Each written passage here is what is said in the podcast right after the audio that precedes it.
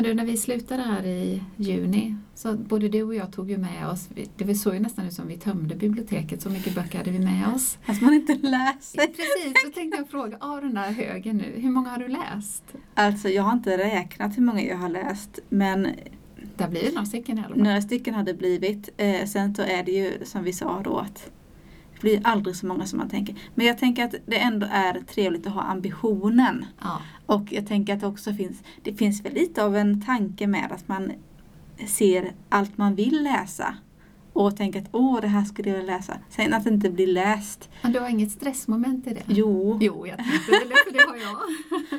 Men ja, det är väl också, det är bättre än att man går och tänker att åh, det finns inget kul att läsa. Ja, nej men visst, en, en sån där bokhög inspirerar ju. Ja. Det tycker jag också. Och där man, man har lite att välja mellan. Man, har, man är ju lite olika humör.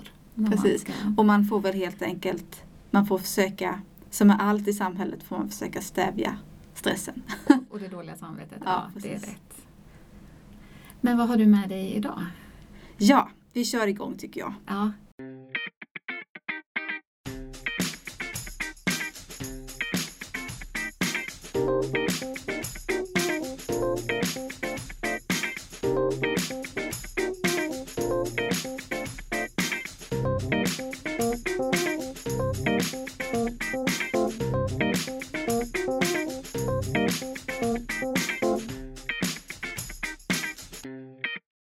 Jag har med mig en ungdomsbok som jag läste i somras och den här, det var så kul för att precis nu när jag förbereder mig för att prata om den jag kanske inte ska börja med att berätta det. Men jag märkte någonting som jag inte såg när jag läste den. Och det var att, för jag satt liksom, då satt jag ju ute i en solstol och det var precis när det var som varmast.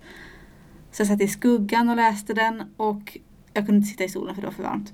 Och då såg inte jag det här att du ser nu när jag håller den att tiderna är olika färg. Eller ja, ja det är två. Det är vanliga, vad ska man säga, vitgula sidor som det kan vara i en sån här bok. Och sen är det några som är som mer grå. Man ser det när man håller den ihopstängd från sidan så är den som lite randig.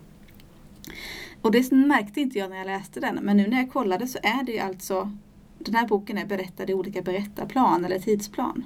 Och de som är tillbakablickar de är grå.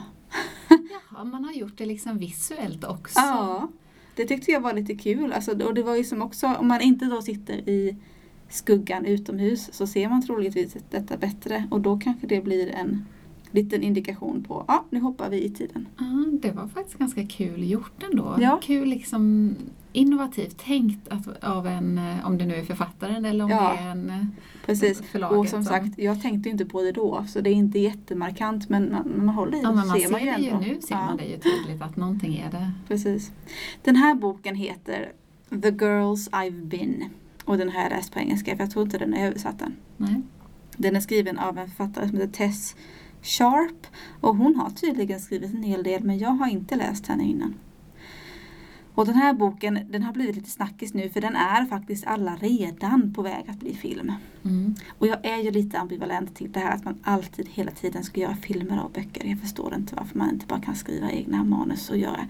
Varför ska man blanda ihop? Men med det sagt så tror jag att den här boken skulle göra sig väldigt bra som film. För den är väldigt, den börjar direkt och den är, den är väldigt spännande och den är medryckande. Eh, och den börjar egentligen med ett bankrån. Och det är Nora som befinner sig på banken eh, tillsammans, hon är lite av en lite pinsam sits. Hon är där med sin flickvän, ett så nytt förhållande. Och där är också hennes före detta pojkvän. Och det är inte helt tydligt om hon har varit otrogen eller inte men det framkommer att hon egentligen inte har varit det men hon har dolt det här förhållandet för sin före detta pojkvän som nu är bara hennes kompis.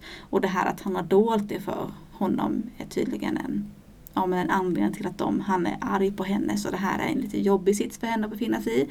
Men de har ett ärende på banken som de måste göra så de är där allihop. Och då så påbörjas ett bankrån och de hamnar som gisslan tillsammans med de andra som är på banken där just då. Um, och då så börjar man förstå att Nora hon är inte vilken tjej som helst.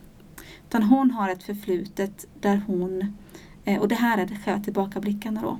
Hon, hennes mamma som hon levde med fram tills hon var typ 12. Eh, mamman är det som kallas för en con artist. Vad säger man på svenska egentligen? En bedrägeri bedrägerska. Bedrägerska, ja. Eh, men som alltså jobbar med att, att lura människor på pengar som regel handlar det ju om då ju.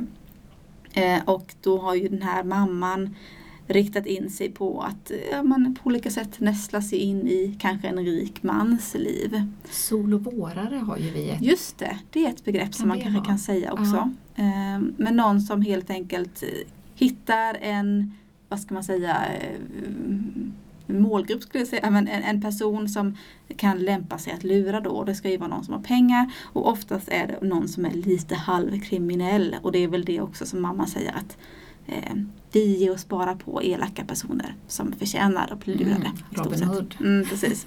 Men mamman är ju inte särskilt hon är inte särskilt bra mamma kan jag inte säga. För hon tränar upp då lilla Nora, som in, och Nora är inte hennes riktiga namn. Men hur gammal är Nora under nu, bankrånet? Är hon nu är hon ungdom kanske, eller är hon vuxen? Nu är hon 17 kanske eller ja. sånt där. Mm. Eh, och hon blir då upptränad av sin mamma att bli en sån här con art, alltså att själv bidra till och lära sig. Så hon är hela tiden tränad till att vara det som mamman behöver för den här situationen. Och det att hon är tränad till att ja, men du ska anpassa dig efter den här mannen eller den mannens liv så att vi kan smälta in bra. Så att han tycker om oss. Att han blir oh, så. Hemskt Jättehemskt. Barn. Jättehemskt. Så hon får ju då man får den första liksom, tillbakablicken så sitter de, mamman kammar hennes hår och så säger hon att du heter, ja, det ska vi vara, jag vet inte vad första namnet var, Rebecca tror jag. Du heter Rebecca. Och sen ger hon henne tre adjektiv eller tre egenskaper. Det här är du. Och då kanske det är att du är snäll, tystlåten och blyg eller något sånt där. Och då ska hon vara en sån personlighet. Um, och det här kanske börjar när hon är i sexårsåldern, att hon blir tillräckligt gammal för att kunna agera då. Och så ska hon anpassa sig och försöka vara den personen. Och det här påverkar ju såklart henne för hon hittar ju aldrig sig själv. Hon får aldrig vara Hon får liksom inte bejaka sina egna utan hon får alltid tänka på vad är den här flickans egenskaper som jag ska vara just nu. Men de här, de här livserfarenheterna de ger henne vissa förmågor som gör henne kanske lite mer utrustad att hantera till exempel ett bankrån. För hon är ju väldigt van. Hon, är, hon har ljugit nästan hela sitt liv. Hon har, eh, hon har blivit rätt så tuff och hon har fått hantera för man får då tillbakablicka till de här olika flickorna som hon har varit och det är ett antal. Eh, som då, ja, men det kan ha varit en tjej som har varit si och så och sen var de en flicka där. Och hon har ju då i lite olika tillfällen hamnat i rätt så otäcka situationer. Det kan ha varit att eh, den mannen som de lurade, hans barn var lite halvt våldsam och trakasserade henne.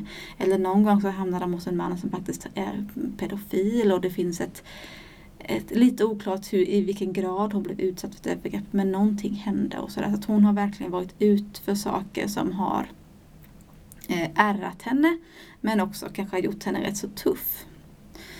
Um, och det här är ju inte någonting som hon har varit öppen med för hon lever liksom under ett hemligt eh, namn och så. Och det var hennes halvsyster som heter Li som hon bor ihop med nu då.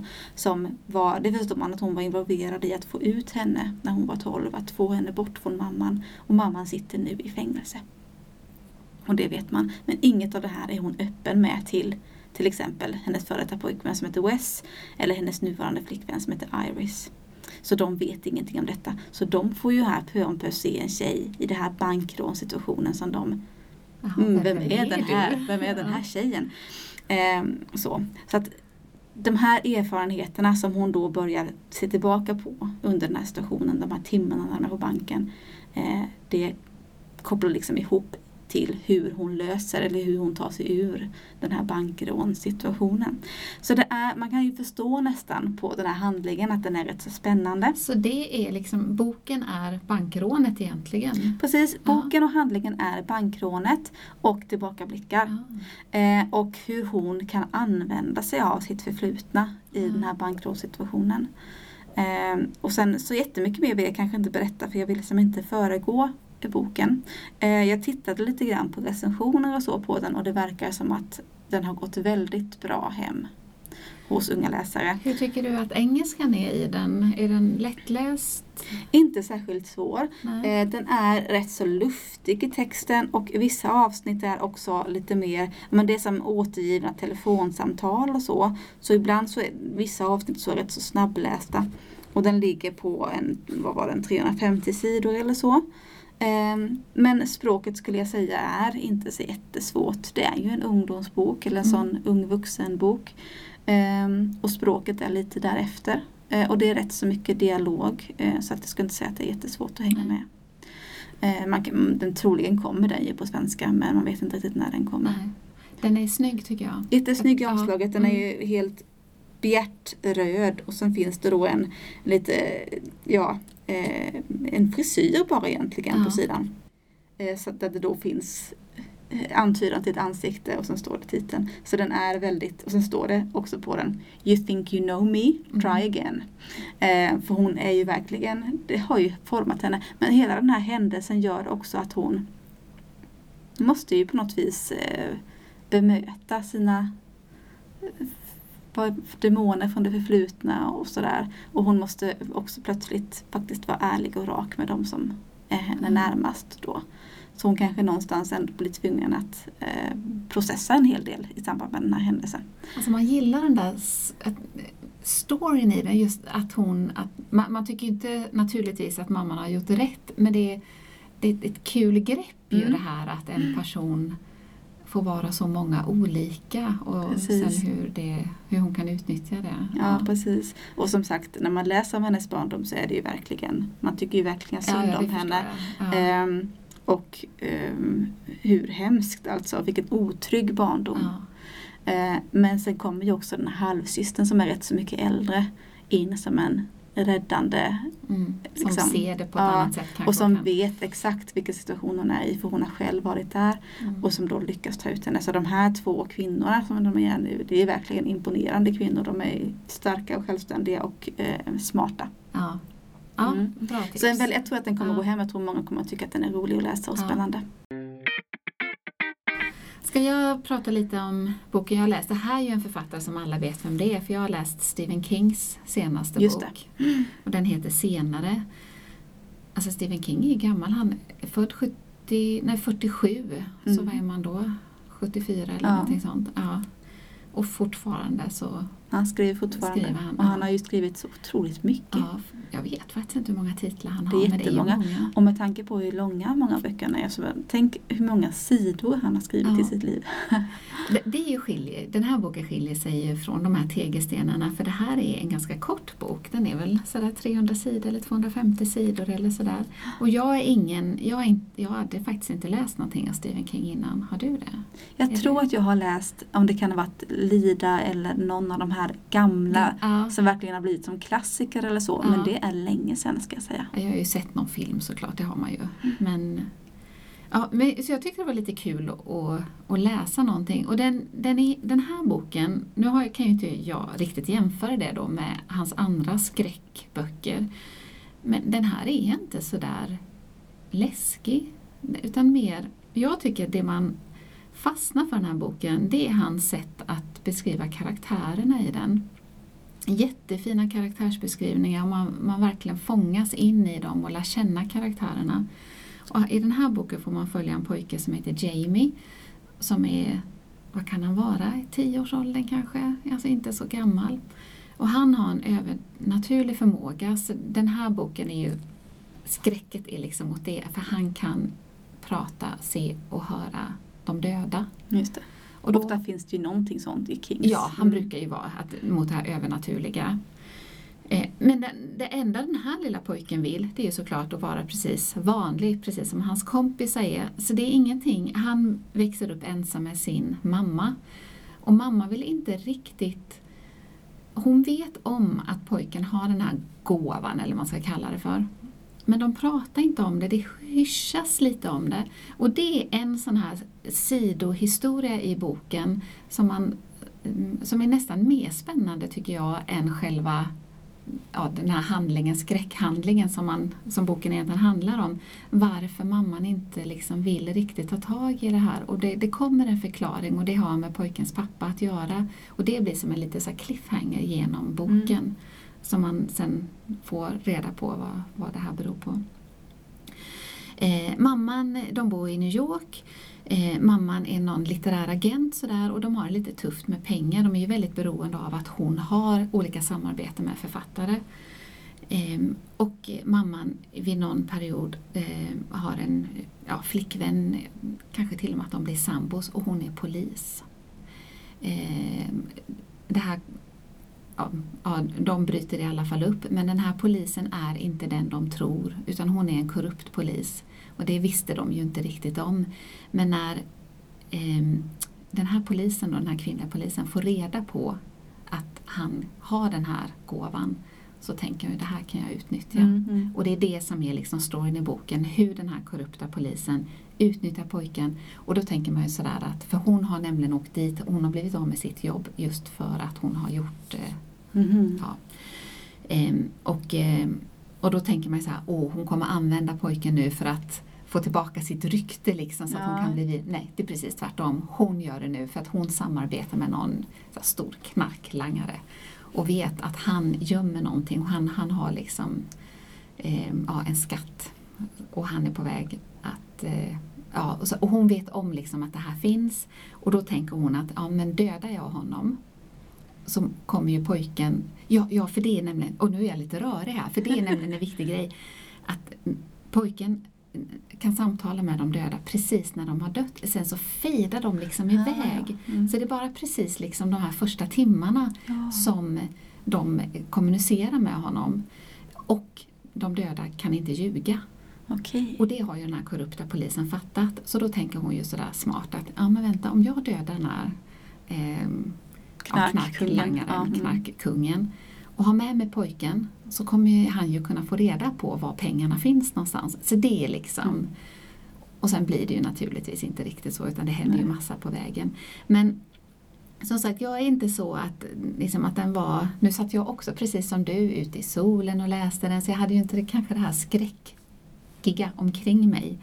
Så man kan inte, jag kan inte säga att man blir så rädd när man läser den Nej. så som jag kanske tänkte att man liksom verkligen skulle så bita ner naglarna. Mm.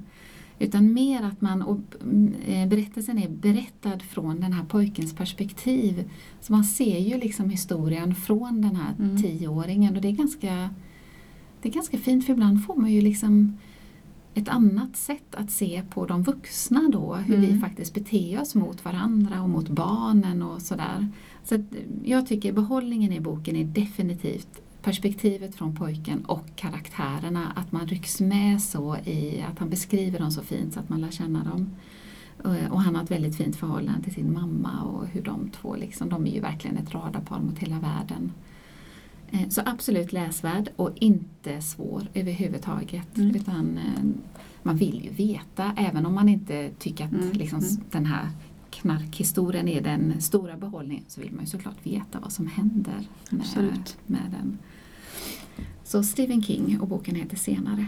Men det är alltid kul tänker jag att ta upp och lite grann belysa en, en sån stor författare. För att jag tänker att han, han har ju alltid hållit sig inom en genre men en del har ju varit mer, vad ska man säga, verkligen skräck och nästan lite sådär, ja men mord och död och så. Andra har ju varit lite mer finstilta skräckisar kanske och så. Ja, och den här tillhör ju definitivt den här finstilta med där liksom mm. perspektiven är viktigare än skräckmomenten. Ja, Men det är klart, sen är det ju det här tala med de döda mm. och, och ibland blir det ju lite komiska eh, de, de, har en granne, en äldre, ett äldre par vars fru går bort. Mm. Och där blir det lite komiskt när hon står bredvid sin man, hon är ju död, och ja. står i sitt nattlinne och pratar med pojken. Och, alltså, ja, så det blir lite... Men blir det aldrig någonsin någon sån här, blir det några läskiga situationer för att pojken ser döda personer eller så? Eller mm. Ja, där, när, hon, när han är med den här korrupta polisen då är det ju inte då, då är det ju liksom farliga människor som har dött. Mm. Och pojken är ju rädd. Mm. Och det är klart, där kanske den rädslan är för mig mer skräck ja. än morden eller ja, sådär. Men liksom när man känner den här, hur rädd pojken är. Mm. för de här döda, den, den är obehaglig. Mm. Ja. Jag får lite kopplingar till den här gamla filmen Sjätte sinnet eller Ja. vad den hette, där en pojke kan se. Och den tyckte jag, jag kommer ihåg att jag tyckte den var rätt så otäck när jag såg den när den kom.